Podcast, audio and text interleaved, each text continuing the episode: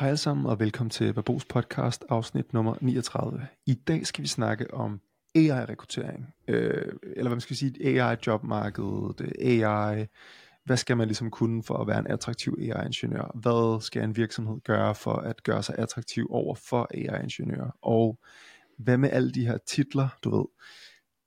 Der er nogen, der snakker om uh, data scientist, der er nogen, der snakker om machine learning engineers, der er også noget, der begynder at hedde AI engineers, data engineers, alt muligt. Altså, de der ting, det skal vi snakke om i den her episode, og øh, det glæder mig sygt meget til. Godt at se dig, Jonas. I lige måde. Går det godt? Ja, stille og roligt. Mm. Ja, ja. Jeg har stadig huben på i dag. ja. Det er vinter. Det er jo minus, øh, minus 4 grader for eller sådan et eller andet, tror jeg. Det er ligesom, om vi kan ikke, vi minus kan ikke rigtig 8 slippe af med det der, vi kan ikke rigtig slippe af med det der frostvejr, synes jeg. Nej, vi må rejse. Nej. til et varmt sted.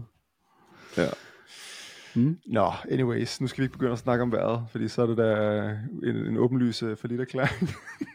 Så er det en meget dansk podcast, vil jeg sige. ja. Vi begynder at snakke om vejret. Men Ja, ja, altså, okay. apropos vejret, øh, øh, det er jo det, vi, det er jo, det er jo også lidt det, vi skal snakke om i dag, fordi øh, AI-rekruttering og jobmarkedet, det er jo lidt ligesom øh, vinden blæser nogle gange. og og øh, kan godt lave det lidt sjov. Øh, og lige nu, der blæser vinden i en helt særlig retning øh, i forhold til kompetencer og titler og det ene og det andet. Det Det er ligesom, øh, ah, skal jeg lige lave en øh, endnu mere sjov en? Det er ligesom det der, du lige lavede, ikke? Det er ligesom de der værværter gør. Ja. Eller, eller du ved, TV-avisen værter gør, når de skal over til pingpong over til vejret, ikke? Ja, det Jo, godt. lige præcis. Ja. Segways. Jeg tror snart, vi, vi, er, klar, vi er snart klar til, uh, til, til live tv, tror jeg. Os to med, med det her format. ja. Hallo, bare lige, okay, sidste vær joke, ikke? Vi kunne faktisk ja. Godt have inviteret Lasse Esbeholdt ind fra, uh, fra Google, uh, hedder det Google Brain, det ved jeg ikke, om det hedder med, mere, i hvert fald, men ham der, kan- du kan, huske, kan du huske Lasse, vi mødte uh, til Driving uh, AI, Ja, ja. som, uh, som forskede hos Google i, i vejrmodeller. Ja, sindssygt, øh, sindssygt fedt område, og det, det Ja. er faktisk en rigtig god idé, at vi kunne snakke om det. Ja. Så det er ikke det, vi skal Så snakke om i snakke- dag. Så kan vi snakke om AI og vejret. Men det er overhovedet ikke det, vi skal snakke om i dag. Så Ja. Hvad hedder det, Jonas? Øhm, skal vi ikke lige prøve at starte med de her roller her, de her titler, som man øh, jo opererer efterhånden opererer med i, øh, hvad skal man sige, data science øh, verdenen. Øhm, altså, som jeg, fire af de store for mig, det er, altså man kan være data scientist, og det er også det, der ofte, står i jobopslag. Mm. Mm. Øh, det er, øh, altså man kan være data scientist, machine learning engineer, data engineer, og øh, nu er der også begyndt at komme flere, øh, hvor der står AI engineer. mm. Øhm, hvad Ja. fanden skal man, øh, hvad, fanden, hvad fanden skal det betyde? Altså, Jamen, jeg, jeg tror, at, at AI-ingeniør kom jo ligesom ind, fordi ML-ingeniør, hvad var det nu for noget? Ikke? Alle ved lige pludselig, hvad AI, eller undskyld, ja, AI er, og, og øh, den der gamle ML-ingeniør-titel der, den er jo sådan so last year, så nu må det hedde noget med AI, fordi ellers forstår folk det jo ikke. Så det, og, og det kan, du kan jo ikke skrive øh, ML slash AI øh, ingeniør, eller sådan, nej. du kan også bare skrive ingeniør. men, Ja, ja, så- men jeg tror, det er det. Jeg tror simpelthen, det er derfor. Så tanken er ligesom, at, at hvad hedder det, der er flere, der kender forkortelsen AI, Ja, øh, inden for der er folk, der kender forkortelsen ML eller machine learning, og så Ja, kommunikerer det sikkert. bredere. Ja. ja. Men altså, hvad, hvad laver en AI-ingeniør, som er anderledes end den gamle øh, ML-ingeniør? Jeg tror ikke øh, på den måde, at det er så meget anderledes. Øh, Nej, nej I det synes jeg heller ikke. Øhm, måske skal vi prøve, altså måden jeg ser det på, jeg ser meget, øh, jeg synes der er en ting med, med mange, øh, der, altså, der ligesom beskæftiger sig med, med machine learning og AI og så videre, og det er, at øh, de folk, som ligesom er uddannet til det typiske, eller sådan, ligesom har det med for uddannelsens baggrund på en eller anden måde, eller, de er ofte skolet i at øh, bruge programmering til at øh, udvikle modeller, eller algoritmer, eller lave, du ved, matematik, eller optimerings, øh, et eller andet mm, problem, løse pro- optimeringsproblemer osv. Øhm, og det er ofte ikke noget, som kræver, at øh, det er ofte ikke engang noget, der kræver, at det andre skal arbejde sammen med en på det kode, eller at det skal kunne køre robust, øh, og har en masse brugere, skulle køre robust på den måde, eller at, øh, øh, altså sådan, det, det er på en eller anden måde noget, man ofte kan lave sådan en eller anden notebook et eller andet sted. Øh, Mm. øh, Ja, nogle gange, ikke? Altså, øh, hvis Ja. man bruger et framework som PyTorch, så nogle gange så kan det være ret omfattende. Øh, jeg går ud fra, for eksempel øh, til dem, der måske har hørt det derude, at vi har jo den her supercomputer i Skandinavien, Lumi, som kører på nogle Ja. AMD GPU'er, som vi lige, vi lige har hørt for nylig, at der er blevet trænet en lille, lille stor dansk model på. Nå, men det, det skulle jo sige at være ret besværligt at få, øh, få sådan noget til ja. At køre på en distribueret måde på AMD GPU'er, så der vil formentlig være ret meget mere engineering øh, arbejde i det, end sådan den gennemsnitlige. Der kan man vel snakke om, om, om ML engineering, ikke? Altså jo, øh, bare at få noget, altså selve træningsloopet og koden til ligesom at, at, øh, altså at køre selve træningen set fra et PyTorch perspektiv, sikkert ikke særlig stor. Altså det er formentlig ikke virkelig småt.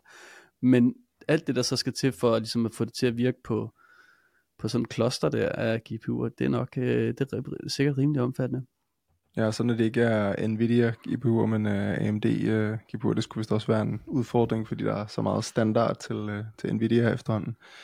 Ja, Øhm, men hvad hedder det, man kan sige, i hvert fald måden jeg ser det på, det var også lige en tanke, jeg kom ud på, men måden jeg ser det, det er, at øh, en data scientist, det er meget sådan nogen, der sidder og laver modeller, algoritmer i, i notebooks, og ligesom laver, det er sådan en, på en eller anden måde sådan meget sådan en research and development rolle, hvor man ikke nødvendigvis regner med, at det er dem, der skal tage mm. det, de laver, og så banke det ud i, i, i virkelig, altså ud til i produktioner og servere det Ja. for, for nogle brugere.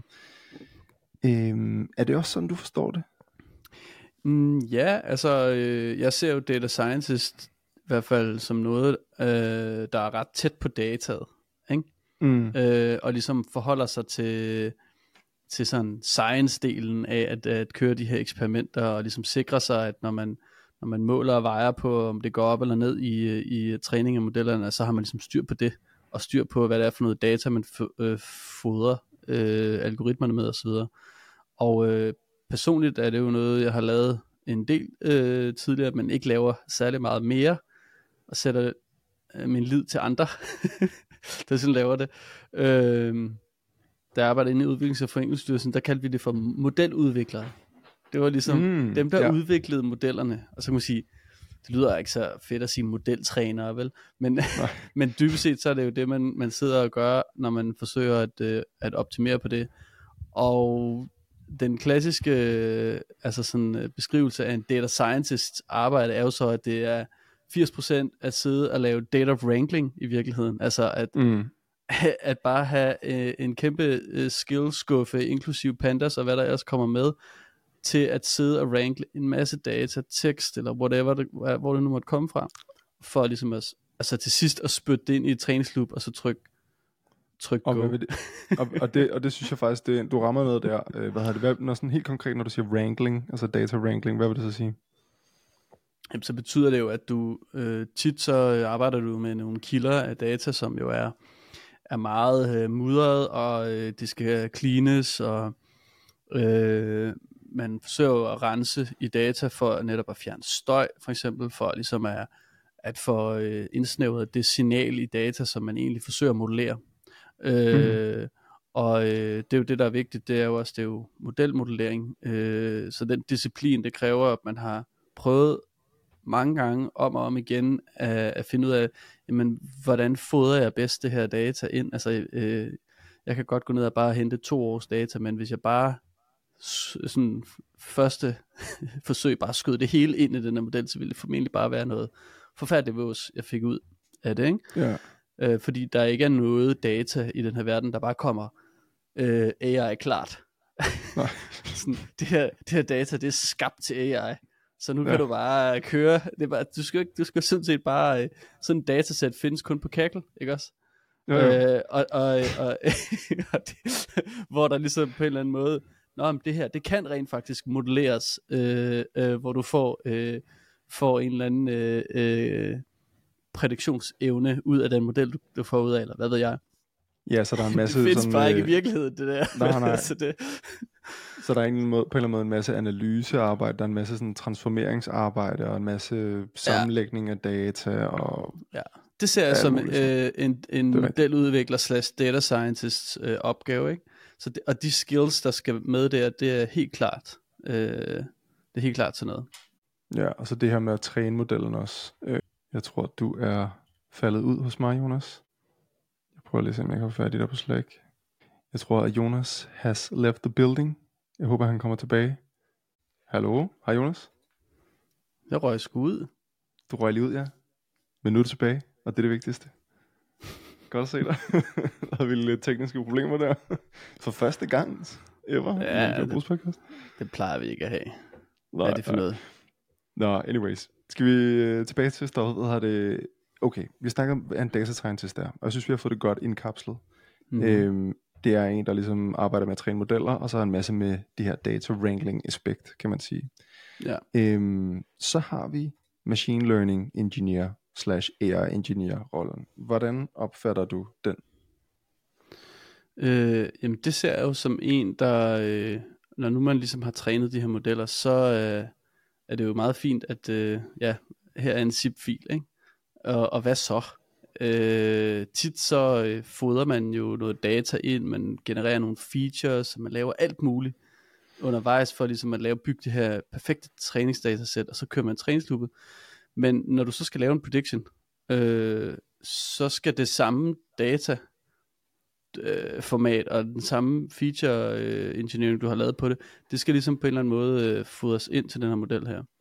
Og det kan jo være, nogle gange, så kan det være, at det er så simpelt som at køre øh, det samme lille script, man har kørt øh, på, på data fra i går, og så data fra næste dag, og næste dag, og næste dag, og så kører man bare en gang om dagen, og så har man nogle predictions, man kan bruge i en eller anden sammenhæng. Men tit er det aller sjovest, når en model kommer ud og lever sådan tæt på brugeren live, i en eller anden forstand.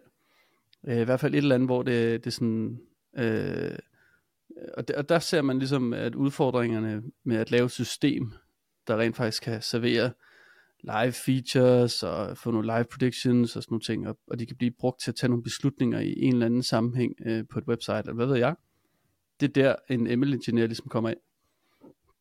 Det, det er sådan, jeg hører, at ML øh, slash AI engineers arbejde, det tit ligger i, øh, og det er det der tætte applikationsarbejde, at få modellerne ud at leve, så at sige. Ja, ja, så når de skal ud af notebooken og ud til den, den virkelige verden. Ja. Men jeg synes også, jeg ser sådan ML-ingeniør-rollen, det er også lidt mere, jeg synes også på en eller anden måde, så synes jeg også, den dækker meget godt over, øh, hvad en data scientist kan. Mm. Øh, på en eller anden måde, så tænker jeg, at fordi jeg tror, man skal også have en eller anden form for forståelse for modellering, altså modeller og så videre, øh, og feature engineering og data wrangling og alt muligt, for ligesom at kunne forstå det, som en eller anden eventuel data scientist har givet en. Eller også er man selv i stand til ligesom at træne de her modeller, og har så meget Ja.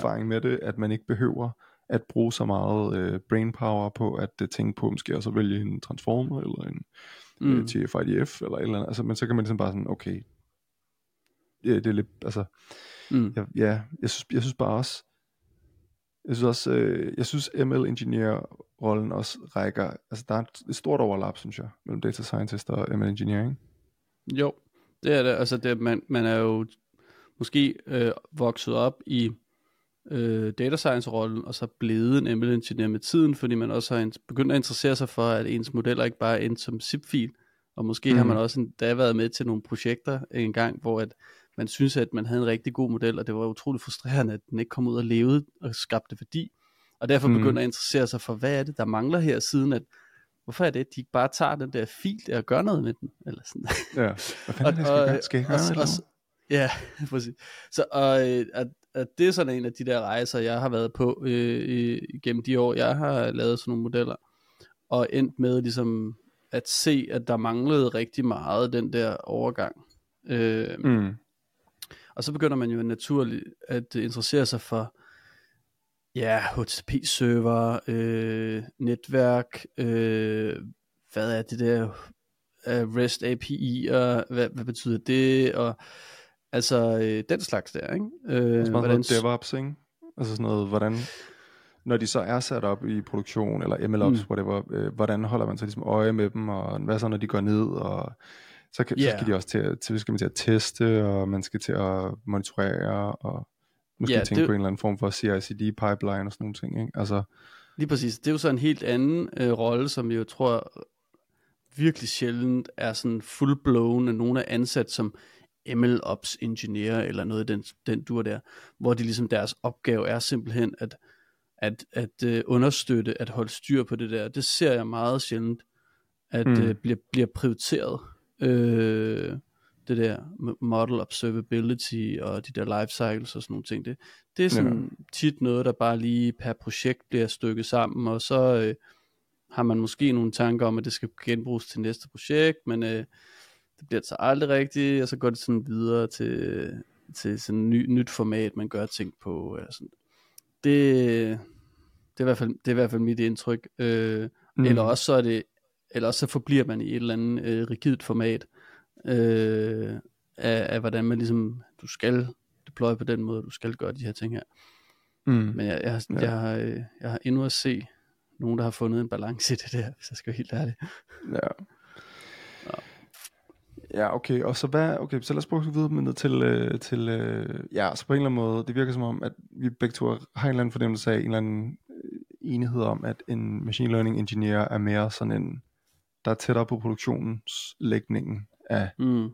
machine learning modellerne, men også har en altså forståelse for machine, altså selve modelleringen og data wrangling og transformering, altså al matematikken bag, men ja. Er ikke fuldt beskæftiget med at, øh, hvad skal man sige, træne modeller og udvikle wrangle data og sådan nogle ting. Mm. Hvad så med, hvad så med data engineer rollen? Hvad, what's that all about? Fordi den synes jeg også, den synes jeg også, man ser sådan konsekvent, at Mm. så søger folk sgu en data engineer. Ja, Og så mener de et eller andet med det. øh, der kunne jeg godt tænke mig, at der var noget, der øh, fandtes, der hed AI Data Engineer. Bare lige for at gøre det rigtig sådan... Øh, Ja. en, en, øh, der er sådan en... Øh, øh, der er sådan en, en, øh, en tendens til, at en data engineer i dag...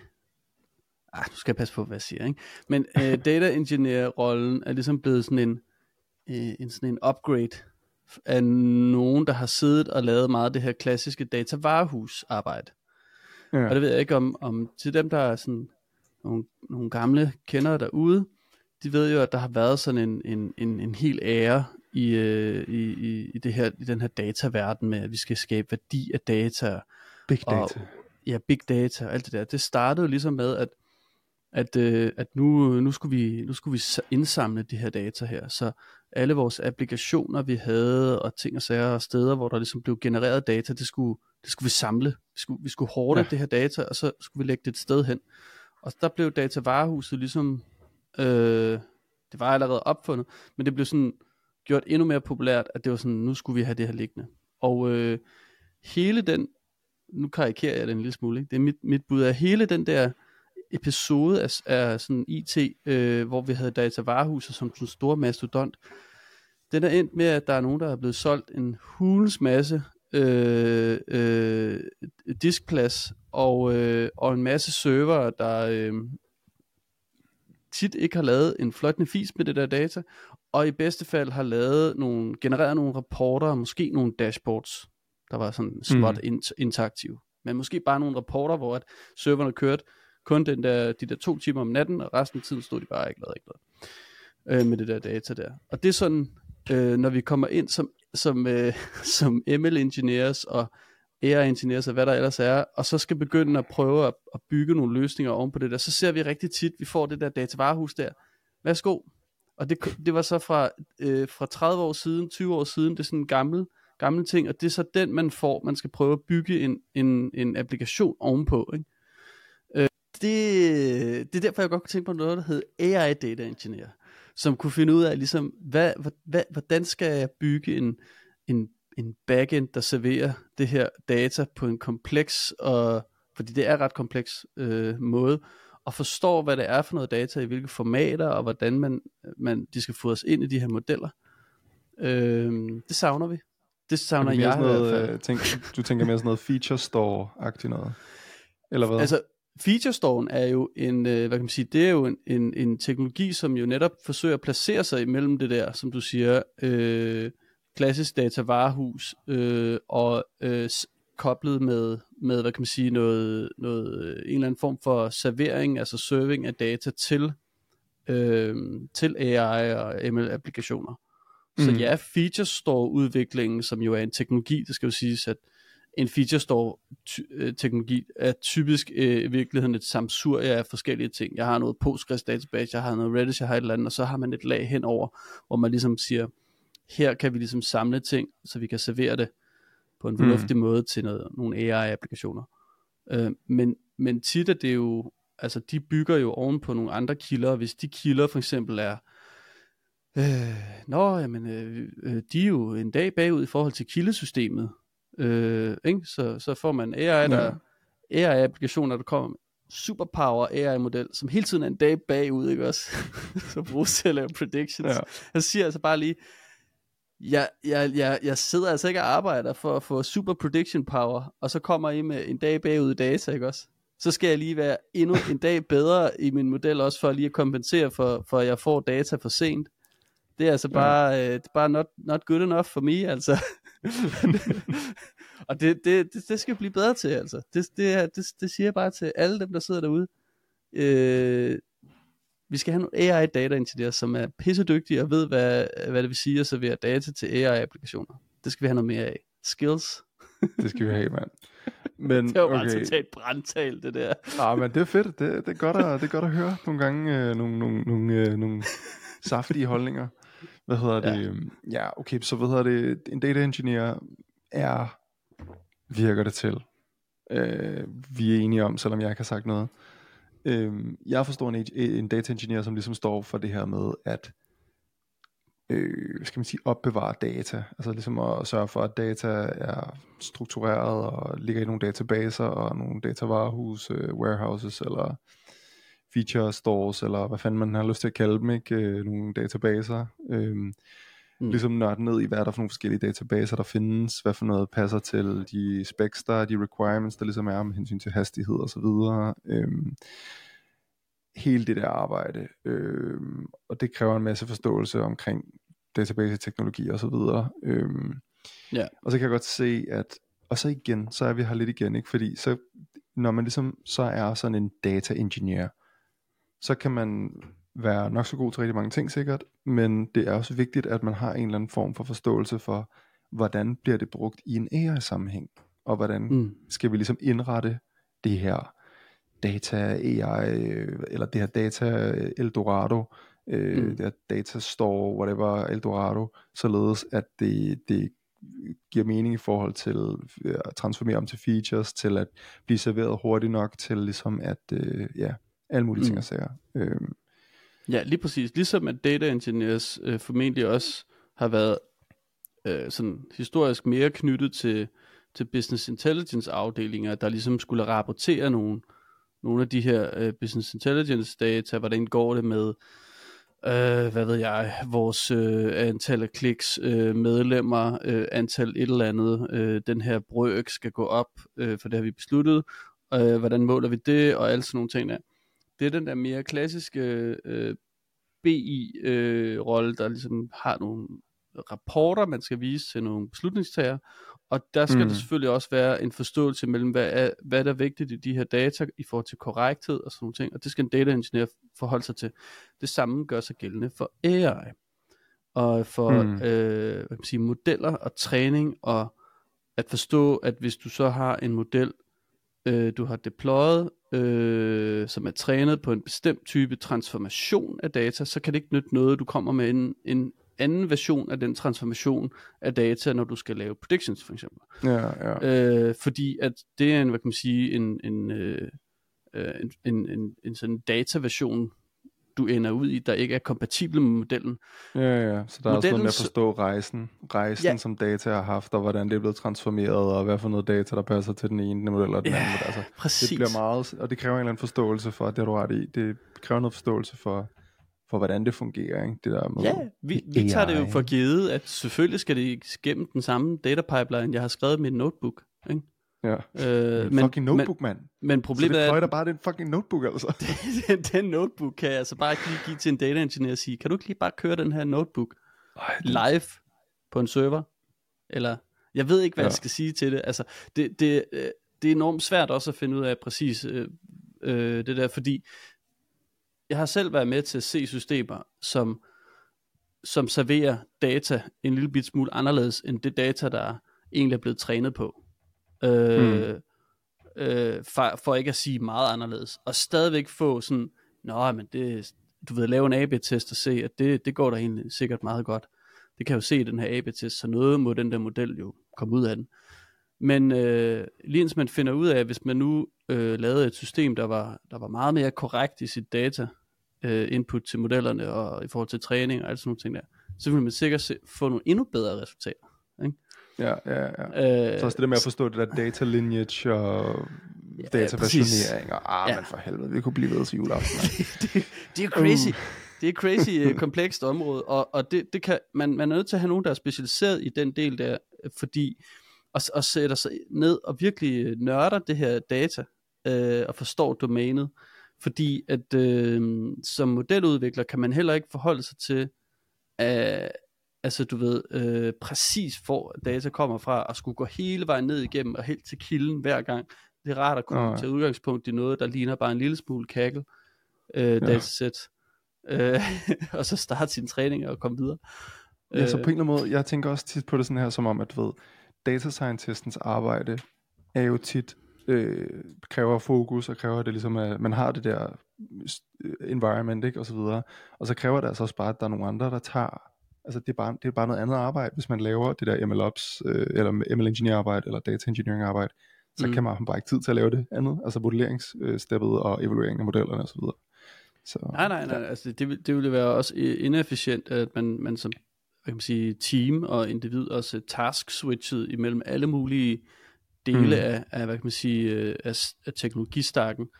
Øh, der, der er jo selvfølgelig nogen, der skal have et overblik over det, for ligesom at kunne, kunne se, hvor, hvor, hvor bevæger vi os hen og sådan nogle ting. Øh, Mm. det, og det, øh, for at sige noget om, hvad, hvad jeg selv laver rigtig meget i dag, så er det jo det overblik, jeg, jeg selv øh, synes er, er sjovt at have. Øh, Mm. Og ligesom øh, på en eller anden måde mestre at være, være en af de få, der rent faktisk forstår hele kæden. Øh, Ja, fordi det, ja. det er svært at være inde i alle dele, og det er jeg heller ikke selv, men, men jeg, jeg gør virkelig dyd af det. Det. Men det kræver også tit sådan, hvis, som, hvis man sidder som data scientist eller som data engineer, så kræver det også tit en eller anden, der ligesom er, har det der overblik, ikke? for ligesom at kunne øh, tale, male mellem de forskellige, og sørge for, at alle har den samme forståelse af, hvordan tingene skal gøre sig. Ja, så det, Ja, der er mange teknologier, ja. man skal forstå, fordi at, at folk mm. Mm. kommer også og taler med udgangspunkt i forståelsen af en eller anden teknologi.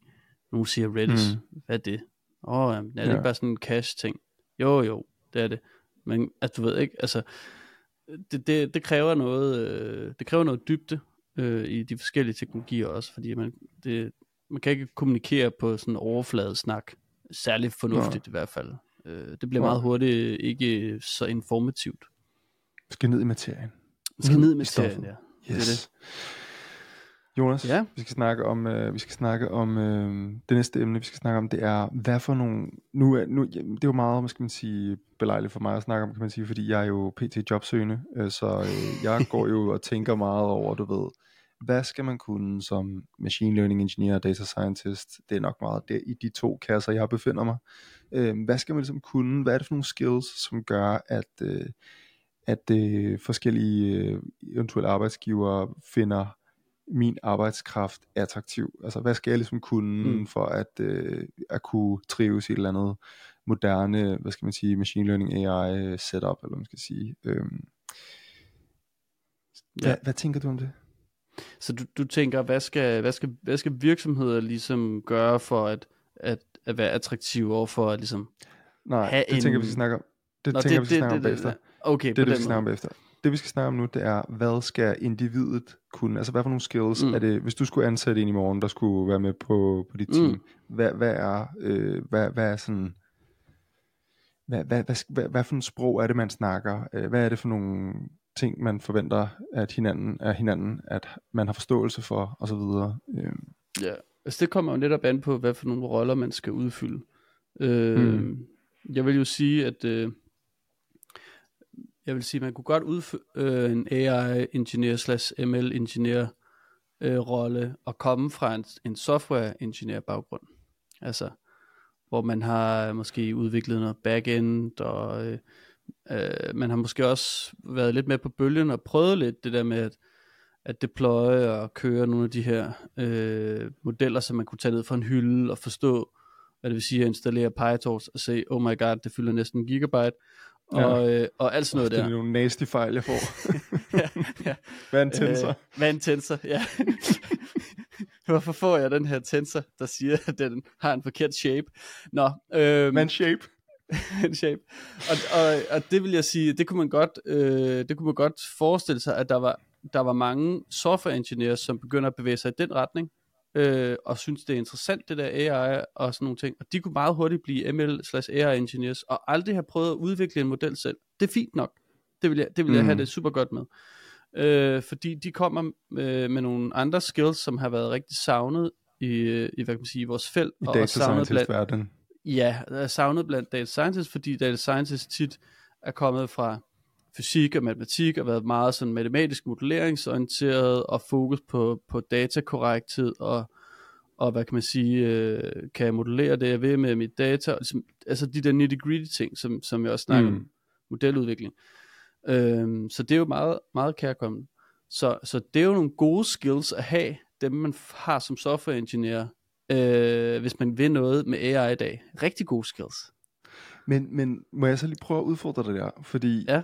Så kommer man ind som software engineer, øh, har styr på, på hele den del. Øh, men tror du så ikke, der er vel også et ret stort sprog, man så skal lære, at øh, altså den der indsigt i, hvordan det fungerer, når man sidder og udvikler modeller, når man versionerer data, når man øh, evaluerer, og hele det der ML feedback loop osv. Mm. Øh, Jo, der er vel også, der er, altså, det er vel også, det, det, er vel, det er sådan noget, man skal lære, ikke? Altså, så skal man lære, øh, hvad er en tensor, for eksempel, ikke? Og hvordan, Ja. øh, hvad, hvad er de her modeller for noget? Fordi man skal jo stadig ligesom have de der modeller i hænderne, og bruge dem, og ligesom sørge for, at øh, der kommer en vektor ud den ene ende, og en anden vektor ud den anden ende, og ja. Øh, og hvis man, du ved, jeg tænker, hvis man som klassisk softwareudvikler, som jeg i hvert fald forestiller mig, det ikke er, du ved, kæmpe hej inden for linear algebra, mm. så, så er det da også noget af en barrier, altså en barriere, ligesom at komme over.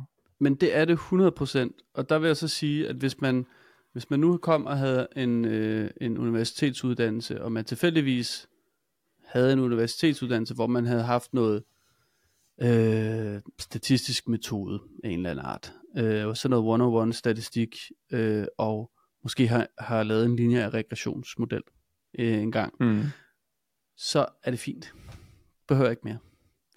Øh, fint. altså, hvis, hvis bare du, øh, det mener jeg seriøst, hvis, hvis du ligesom bare har lidt øh, grundlæggende forståelse for statistik, faktisk bare læs de, de første to kapitler øh, om normalfordeling og, øh, og ans, øh, Gaussians, øh, øh, gaussiske antagelser øh, i, øh, i øst og vest, og bare sådan tænke, ja, det er meget abstrakt og mærkeligt, men det er okay, jeg lever med det, så har man, så, så har man altså rimelig godt sæt. Mm. Øh, man forstår, hvad en standardafvielse er, man forstår, hvad de der ting er. Øh, man behøver ikke mere, efter min mening, Nå. øh, for ligesom at være en del af, af, af, af, af model. For, altså sådan, fordi at øh, man skal bare forstå, at altså det, som man, man forsøger at lave i en, en lineær regression, at man forsøger at tage en lige linje, ikke? Og finde den korteste afstand til alle de der øh, punkter. Jamen det er seriøst så simpelt, det er, det er bare sådan, hvis bare man kan forstå, at al machine learning og AI, det handler om at optimere den der skide afstand imellem, imellem de punkter og den skide linje. That's it. Ja. Altså, Ja. og, og, så, øh, og så forstår man, nå, er det det, der vil sige at modellere? Ja, og så bagefter finder du ud af, hvilken hældning har den skide linje så? Okay, super. Så har du dit estimat. Ikke også? ja. Det, altså, hvis bare du, så er du sæt. Altså, der er ikke noget i det. Øh, jeg mener virkelig, det er så simpelt som at øh, gå tilbage til, til, til den gamle lineære regression, og så er du, så er du kørende. Og jeg tror, din, øh, din meget passionerede øh, snak her, nu omkring det der, ja. som jeg kan høre, du føler meget for, og som jeg godt kan forstå, det kommer helt klart, som jeg ser det, af en mangel på de der skills i ML-AI-verdenen. mm. øh, nemlig at dem her, de her folk, man får ind, som er rigtig gode til modellering og til at læse papers og til at udvikle algoritmer og rankle data og sådan noget, der mangler typisk noget lidt mere sådan software, øh, de der software praksiser, øh, som, som mm. ligesom er med til at få tingene ud i virkeligheden og køre øh, robust. Ja, øhm, det er det, vi har savnet i lang tid. Ja, lige præcis. Og det er også ligesom om, at de skal sådan, det er, øh, det er ligesom om, at de skal ligesom sådan ind i den her, det, det, det er også sjovt, fordi jeg synes virkelig, det materialiserer sig på en eller anden måde ved, at jeg kan da også huske, da jeg arbejdede på Ekstrabladet, der søgte vi også, øh, der ville vi også gerne have en på ML. Jeg tror faktisk, det var din, øh, din øh, hvad hedder det, jobopstilling, eller jobopslaget til den øh, stilling, mm. du endte med at blive ansat til, Jonas. Der, fordi der var nemlig også, øh, jeg tror, jobopslaget var sådan noget Python-udvikler, eller Python-software-udvikler, eller så, altså, mm. hvor det, det var ikke, det, det kom ikke fra den der machine learning. Vi har ikke brug for en eller anden, der kan machine learning, vi har brug for en, der kan øh, software, være softwareudvikler, ikke? Fordi man ja. gerne vil have fat i den, den, den målgruppe, ikke? Øh, jo. Ja. Ja, sådan en udviklertype, der er mere fokuseret på programmering som håndværk. Og det er jo en, en skill, det kan være, vi, uh, vi, vi har mange øh, minutter allerede kørende, men det, ja. det er jo også en, en skill, det der programmering. Hvordan bliver man god til det? Altså, ja. fordi øh, bliver man god til programmering, når man sidder i en notebook, og man kører nogle, nogle, nogle kagleting og sådan noget der? Nej, det gør man ikke, vel? Øh, bliver man god til programmering, når man ligesom prøver at at udvikle noget selv, altså opfinde dybe tallerkener selv øh, i en eller anden sammenhæng. Ja, det gør man. Skal man, øh, skal man gøre det hele tiden øh, på sit arbejde, hvor at ting virkelig skal fungere, når man kommer som data scientist? Ej, det skal man nok ikke, men man skal på en eller anden måde have en eller anden form for, øh, for sandkasse, hvor man kan sætte sig ned og, øh, og kaste lidt med sandet øh, og komme til at øh, ramme sit nabo, øh, uden at det gør skade. Ikke? Mm, ja. og og, og, og det, det er altså også lidt, lidt en, en barriere for dem, der kommer som data scientist, at få et miljø, hvor de så kan få lov til ligesom at øh, skrive deres... Øh, øh, altså du ved, sådan, jamen jeg kunne godt tænke mig at prøve at skrive en server, hvor jeg server den her model selv. Jamen det skal du slet ikke tænke på. Du skal bare smide den herover, og så, så klarer øh, vores automatiske system, det vi har bygget de sidste to år, det selv for dig jamen hvordan, jeg vil gerne forstå det her, men det, det, det, det kan du så ikke nu, fordi det er ligesom bygget, og det, det er der ikke nogen, der skal rode med. Så sidder man jo også fast, kan man sige. Ikke? Så ja. øh, der vil jeg også bare sige shout out til folk, der sidder derude og tænker, hvordan skal jeg så gå i gang med det der? Jeg siger bare, øh, byg et website til din mormor, øh, og altså køb et domæne, køb en lille server, En rack-løsning til din mormor. Gør et eller andet, altså. Fordi at det er den eneste måde at lære de der ting på, hvis man er data scientist. Fordi det er virkelig ja. svært at få lov til at, øh, at lave noget kritisk infrastruktur øh, på sin arbejdsplads, hvis man er vant til at kun at, at køre notebooks. Så det, det ved jeg godt, der er mange data scientists, der virkelig kan meget mere. Det er slet ikke det. Øh, men man kan jo være ny, og man kunne være øh, ikke særlig ja, omvandret i, en, i det. En, uh, en, en entrance into det der kunne godt være sådan noget at uh, lave sådan nogle små, uh, hvad skal man sige, tools, AI tools uh, i Streamlit for eksempel, eller et eller andet. Altså, eller ja. lave sådan nogle små demoer, som kan vise det, man kan med machine learning, fordi så ja. får du lige pludselig sådan en lille applikation, hvor du kan komme ud og få nogle brugere, og du kan ligesom uh, begynde at forstå den her med, at uh, sætte noget live ud til nogle brugere, som bruger det, og så kan du også øh, forstå, nå, så får du noget data tilbage, og det kan man måske gemme i en database, og hey, så kan jeg også få det frem igen og vise det på en skærm, og what, yeah. og hey, altså fordi, øh, så øver man sig på sådan en miniskala på en eller anden måde lidt i, i hele den der med at putte ting i produktion, ikke? Øh, jo. Det er i hvert fald jeg, det er noget, jeg har haft rigtig meget glæde af i hvert fald. Ja, jeg er fuldstændig enig. Øh, på den måde er Streamlit fantastisk. Øh, jeg, øh, jeg kan kun anbefale det, også selvom jeg, jeg stort set aldrig har prøvet det selv. Så er det fordi, jeg ved, mm. at der er rigtig mange, der nyder det derude, som sådan en hurtig måde at komme ud over stepperne øh, med en løsning på. Og det skulle være, øh, det skulle være meget, meget venligt for, for data scientist. Og det er nemlig, som du siger, den der følelse af, at man så øh, ligesom ja, wow, jeg kan faktisk øh, få noget til at komme hele vejen ud øh, selv, ja. uden, at, uden at være afhængig af andre jeg tror i virkeligheden, hvis man er, øh, hvis man er data scientist for eksempel, i virkeligheden måske, hvis man er øh, whatever, hvad man er, så tror jeg i virkeligheden det der med, hvis man kan på en eller anden måde stræbe efter at få det, man øh, laver serveret til nogle brugere på en eller anden måde. Altså få det ud og få nogen til at bruge det øh, i en eller anden Mhm. form for UI. Øh, det, det lærer man sygt meget af. Og Ja. øh, det, det giver også det giver, giver en helt ny dimension af, af arbejdsglæde ved at lave sådan nogle ting, at der rent faktisk er nogen, der ligesom uden man ligesom på deres egen computer, uden man ligesom ser, sidder og ser på det, øh, skal man sige, bruger det, man har lavet, ikke? Øhm, og man lærer Jo. bare vildt mange ting med, at nå, men så kan det også gå i stykker, hvis øh, de bruger det på en måde, som man ikke lige havde regnet med, og nå, Ja. så skal man måske tænke over at lade være med at skrive total spaghetti-kode, som er, og når de så gerne vil, uh, det er fedt, det du har lavet, men øh, vi skal lige have ændret Ja. det her. Nå, okay, men så skal jeg refakturere al min kode, og det er da sikkert noget lortekode, jeg har skrevet, ikke? Mm, Eller sådan, det synes jeg bare virkelig, man lærer noget af, ikke? Så jo, jeg synes, jo mere erfaring man kan få med at få andre til at bruge det, man laver, mm, jo, jo bedre. Virkelig. ja, 100 procent. Altså, ja. øh, man, man lærer nye ting, man lærer måske også nogle begrænsninger, øh, i, i, og finder ud af, hvor man måske hører til, fordi det er jo Ja. også noget af det, som, som kan være lidt svært, altså, øh, jeg tror også, der er mange scientists, der kunne sidde derude, måske nu, nu har jeg ligesom trænet min færre share af neurale netværk, og, og jeg synes faktisk ikke, det er spændende mere. Øh, og, øh, eller, altså du ved ikke øh, Eller nu ja, er det ligesom ordnet. ikke? Nu Transformeren sådan- er opfundet, ikke? Altså, du ved, Ja, altså, ja. der, man ikke, Ja. ja. altså på den måde, ikke? Så det, det forstår man jo også rigtig godt. Øh, mm. At blive, blive lidt tørt i længden, ikke? Jo. Ja, ja. Hvis vi bare lige hurtigt skulle name drop nogle teknologier, altså frameworks, teknologier, programmeringssprog, whatever. Mm. Øh, hvad, hvad, hvad, hvad, hvad er sådan det der, de første 10, 20, 30, 40, 50 stykker, der kommer op i dit hoved? Altså, sidder man som AI slash ML engineer derude, så skal man selvfølgelig lære Rust i dag. øh, det er det første.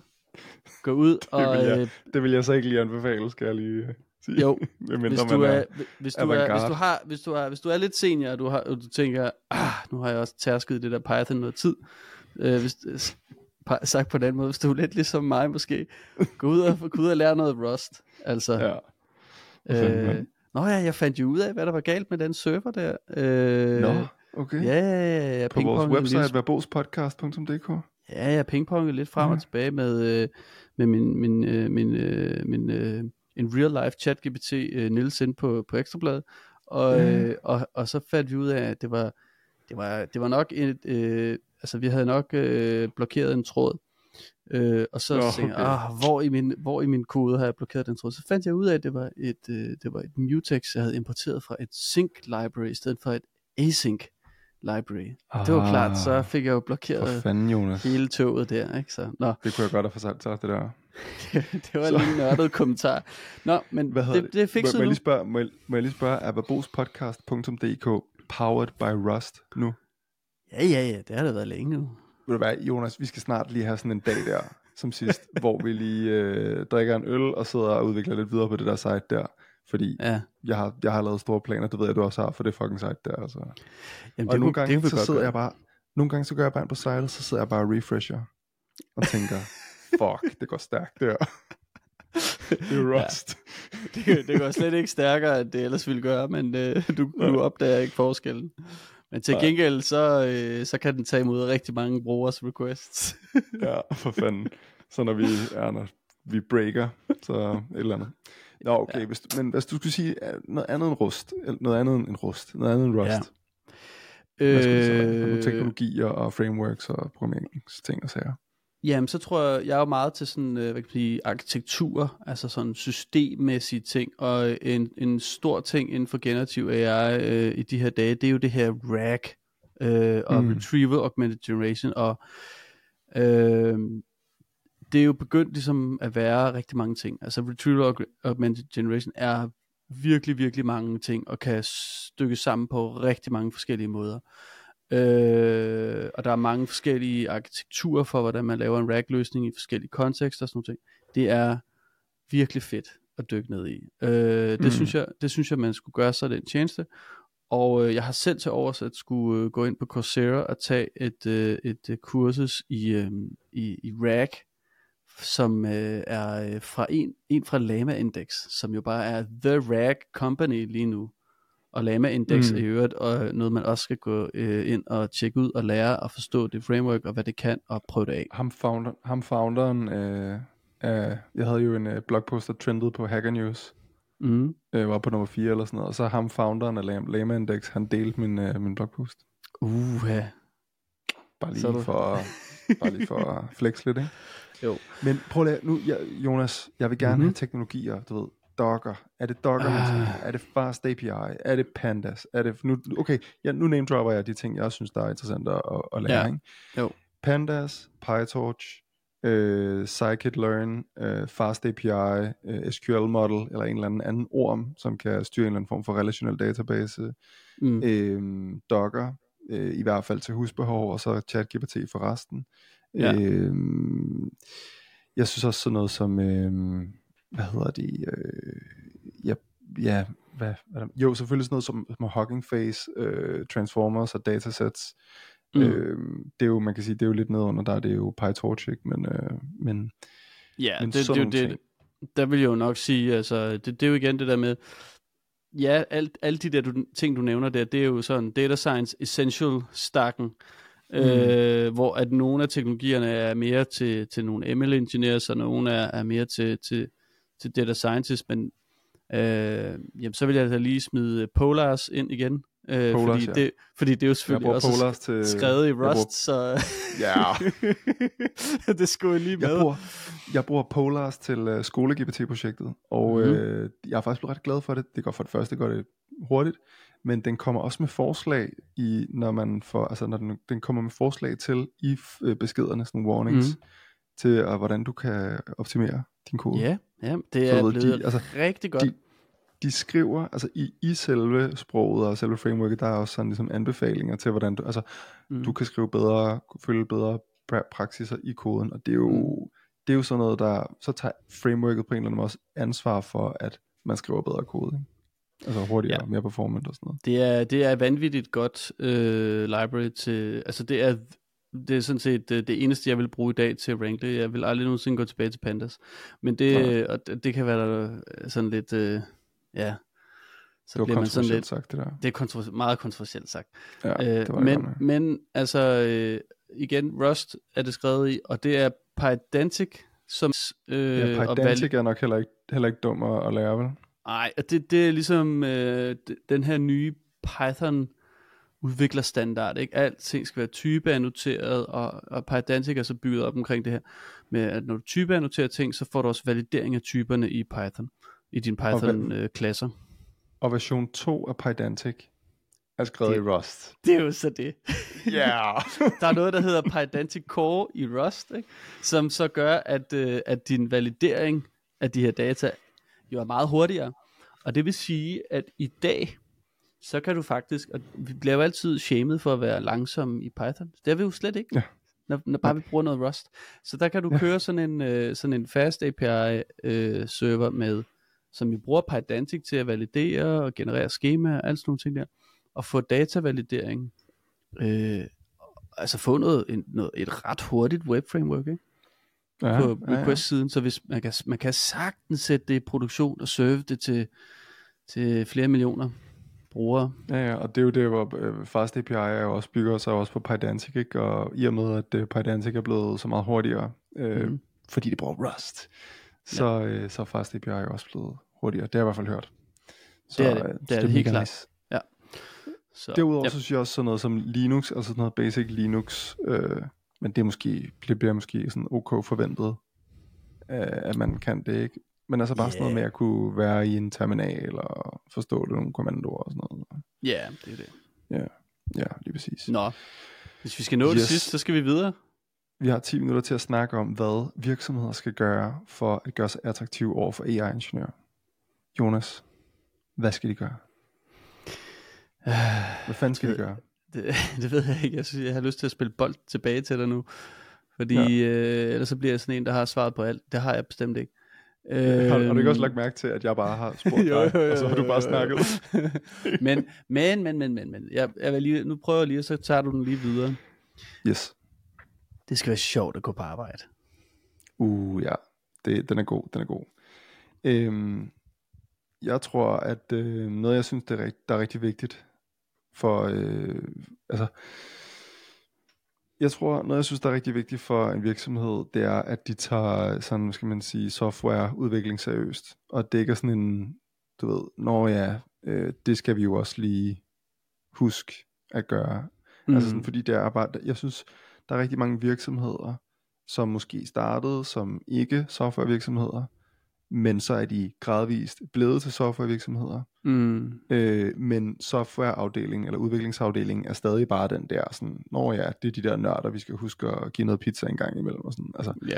du ved, og det, der, der synes jeg måske ofte, at hvis man har den tilgang til, til, til udvikling øh, hos en virksomhed, øh, hvis ikke man ligesom giver noget power til, til, til dem, der sidder og udvikler software, Mm. også lad dem sidde med ved bordet på en eller anden måde, og ikke til ligesom behandler dem som børn nærmest, eller sådan, når ja, det, de skal også ligesom håndteres. Mm. Øh, det synes jeg, det synes jeg, det synes jeg godt nok, øh, det synes jeg er meget lidt attraktivt. Kan du genkende det bare remotely? Eller sådan? Ja, det kan jeg godt. Altså, Mm. øh, øh, men jeg vil også sige, at hvis nu du er en virksomhed, der ikke har, øh, hvad kan man sige, at der, altså du ikke har en, en, en historie, hvor du har haft en, en, en udviklerafdeling, og selv udviklet noget software internt, øh, hvad ved jeg, det kunne være, du havde, øh, det kan være, du havde noget CMS, det kan være, du havde et eller andet, du ligesom, hvis ikke du har haft nogle udviklere, øh, men du måske havde du, måske havde du et datavarehus med nogle, nogle business intelligence folk og sådan noget, som lavede det der, men at du aldrig har haft udviklere som sådan øh, til at sidde og, og programmere noget kode og vedligeholde det og sådan nogle ting der, så vil jeg ikke begynde at ansætte data scientist og ML Nej. engineers overhovedet.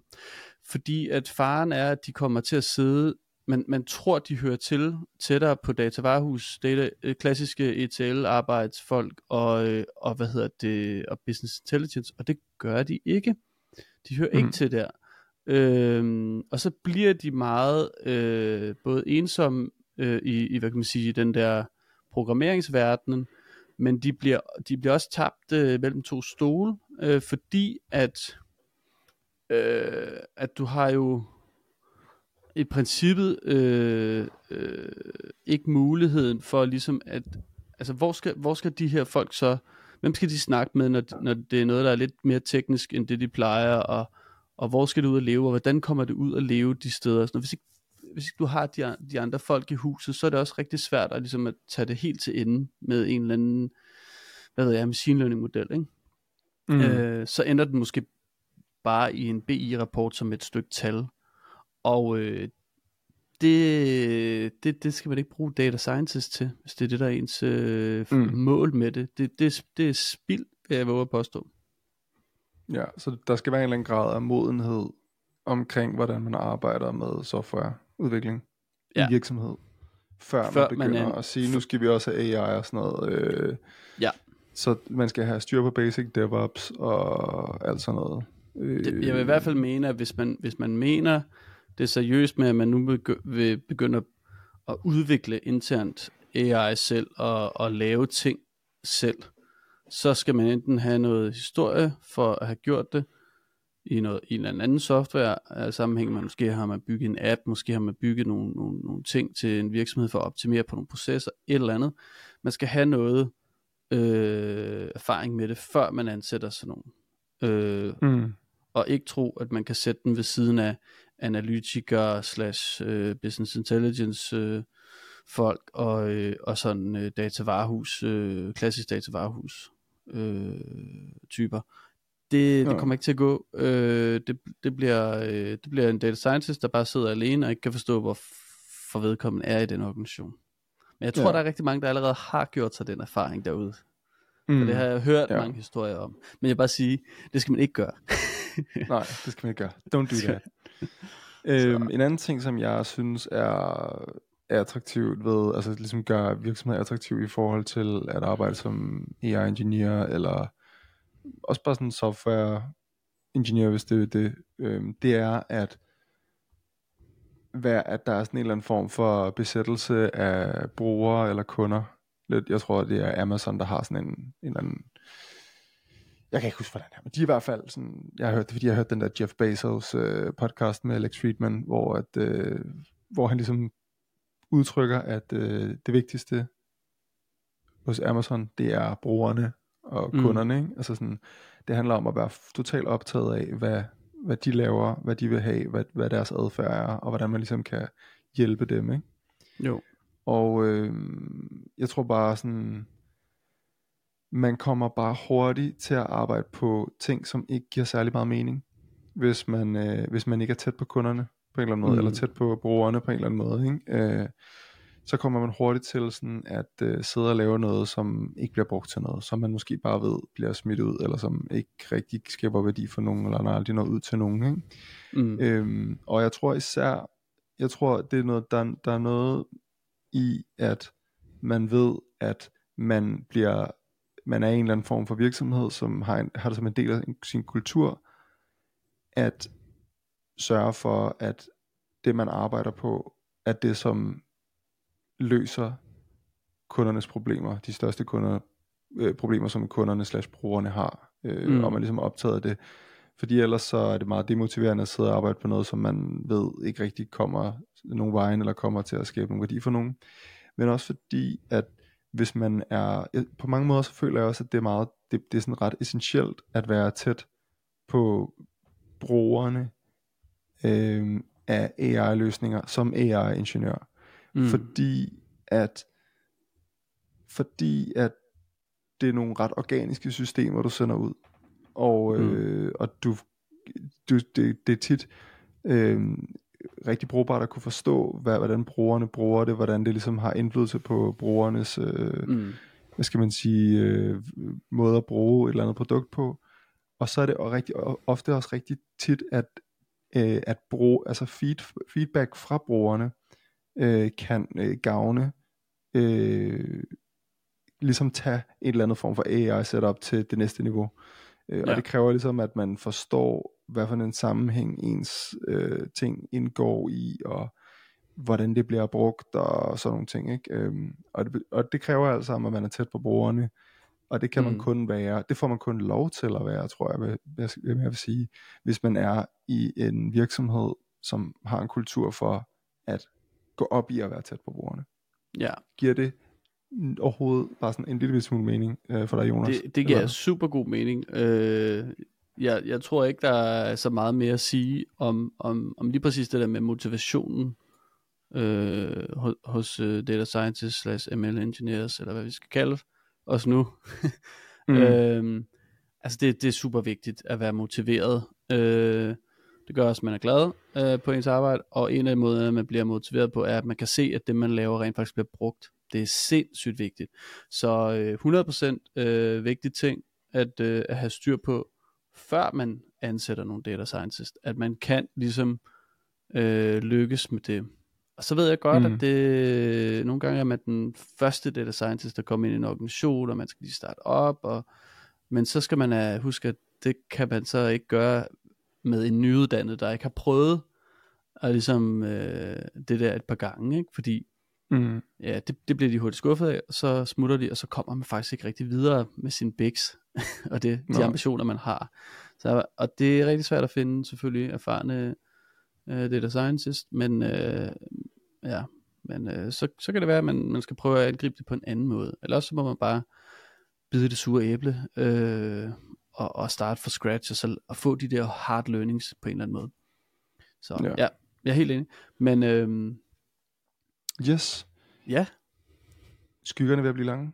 det må man sige. Det må man sige. Hvad hedder det? Om 20 sekunder har vi snakket om en time. Ja, det er et perfekt tidspunkt at sige, øh, det var ja. en interessant snak. Det var det. Og øh, ja, der er sikkert meget mere at snakke om. Det kan være, vi laver en par to på et tidspunkt. Men øh, jeg synes i hvert fald, det var ret spændende at snakke om, og super relevant for min situation pt. også. Øh, og bare generelt nogle tanker. Jeg gør mig rigtig meget i øjeblikket. Øh, Ja. Hver der situation, er- så tænker der er andre, der også kan få brug for det. Har brug for det derude. Både virksomheder og individer. Ikke? Jo, og hvis Så- der er nogen, der sidder øh, derude og har nogle, nogle, nogle take på det der gode match, vi jo skal øh, opfylde i, øh, i alle vores jobsituationer, jamen så øh, fyr løs, hvis I yes. Hører podcasten. Karsten. Pod, ja, det, det lød næsten som Karsten. Nu er det også lidt Ja. Karsten. Så fyr løs derude. Øh, vi vil altid gerne høre om også historier, der er gået godt og skidt og sådan noget, mm-hmm. i forhold Mhm. til den, den, de der matches, som vi ved jo, der er en masse derude, hvor det er, det er nogle crazy historier, man har været igennem.